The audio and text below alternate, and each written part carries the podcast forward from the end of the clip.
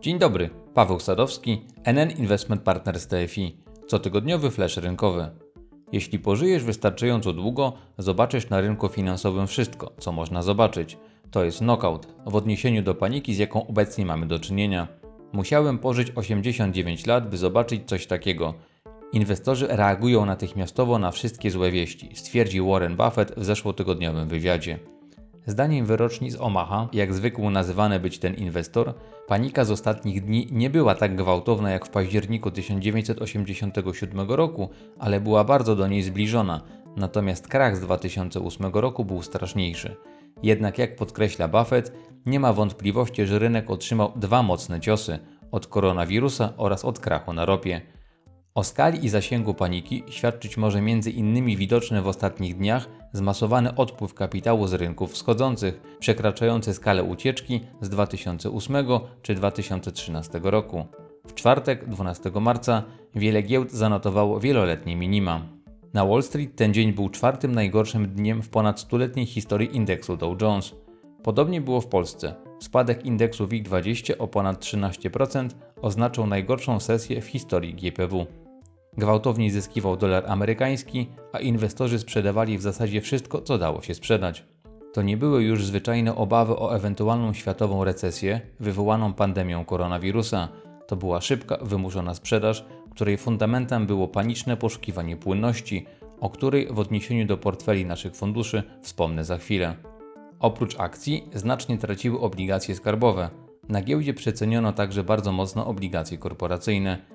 Ta gwałtowna wyprzedaż znalazła swoje odzwierciedlenie w pogorszeniu rynkowej płynności, a to z kolei miało bezpośrednie przełożenie na olbrzymią i nienaturalną zmienność cen aktywów. W takich warunkach bardzo utrudnione jest określenie, co w danym momencie jest ile warte, więc aktualnie nasze myślenie skupia się na zabezpieczeniu portfeli na dalsze możliwe pogorszenie się sytuacji. W NN Investment Partners TFI nie mieliśmy powodów do paniki, gdyż płynność inwestycji jest dla nas nadrzędnym kryterium przy konstrukcji portfeli. Nawet w funduszach akcji gotówka stanowi teraz od kilku do kilkunastu procent aktywów. To podejście procentuje podczas spadków i dzięki niemu nasze fundusze tracą relatywnie mniej. Sam kierunek rynkowych ruchów, który obecnie obserwujemy, nie jest dla nas zaskoczeniem, choć jego duża skala już tak. Od dłuższego czasu przygotowywaliśmy między innymi nasze fundusze dłużne na załamanie koniunktury. Gromadziliśmy gotówkę oraz najmniej ryzykowne aktywa.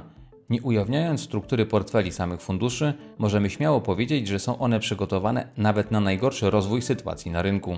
Fundamentalne znaczenie ma teraz płynność. W warunkach paniki na rynkach wymuszona sprzedaż aktywów, nawet dobrej jakości, może wiązać się z koniecznością obniżenia ceny, co z kolei negatywnie wpływa na notowanie jednostek uczestnictwa i w konsekwencji na stopy zwrotu. Ryzyko realizacji takiego scenariusza w naszych portfelach jest znikome. Pocieszeniem, które nie uchroni nas w pełni od negatywnych wycen w najbliższych dniach, na które wpływ ma czasem nieracjonalna rynkowa panika, ale powinno je złagodzić, jest to, że w portfelach naszych funduszy dłużnych znajdują się dwa aktywa, które w ostatnim czasie rosły: krótkoterminowe obligacje USA oraz dolar amerykański. Dodatkowo utrzymujemy duże poziomy gotówki. A teraz nadszedł czas, aby zastanowić się nad odpowiedzią na kluczowe pytanie, które ciśnie się aktualnie na usta dużej części klientów, którzy od kilku już lat z powodzeniem kierują swoją inwestorską sympatię w stronę szeroko pojętych funduszy dłużnych. Jak zatem brzmi to pytanie? Czy to jest dobry czas, aby wychodzić z inwestycji w obligacje skarbowe?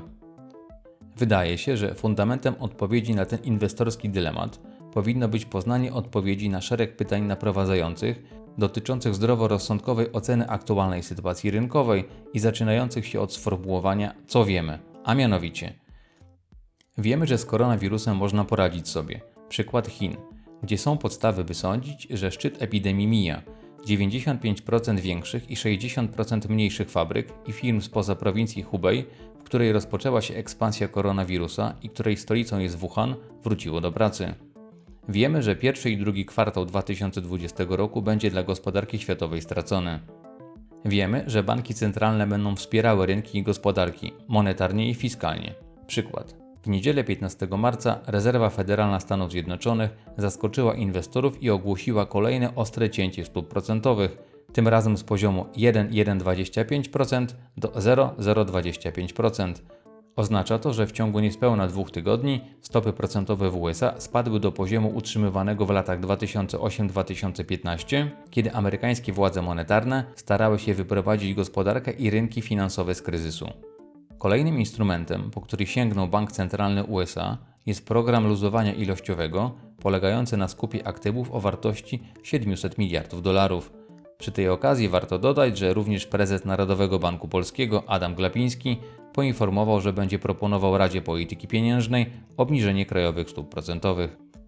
Wiemy również, że rynek ryzykownych aktywów, który trawią od kilku już dni gigantyczne wyprzedaże, może wydawać się atrakcyjny, ale dopóki indeks WIX obrazujący zmienność na rynkach nie zacznie spadać, to nabycie bezkrytycznym rynkowym optymistą jest jeszcze zbyt wcześnie. Wiemy, że gotówka stanowi znaczną część portfeli naszych funduszy dłużnych, ale przy tej skali paniki nie dokonujemy aktualnie nowych zakupów, ale również nie musimy dokonywać gwałtownej, nieprzemyślanej i wymuszonej sprzedaży.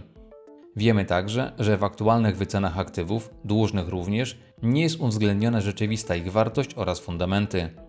Te wszystkie fakty powinny sprawić, że choć przez chwilę zastanowimy się nad tym, że uleganie panice, która ma związek nomen omen z instrumentami emitowanymi przez rządy państw i bezrefleksyjne pozbywanie się w obecnym otoczeniu rynkowym części portfela, która opiera się na obligacjach skarbowych, zwłaszcza gdy tą strategią płynnie, aktywnie i z sukcesami zarządza NN Investment Partners TFI, może nie być najlepszym inwestycyjnym pomysłem.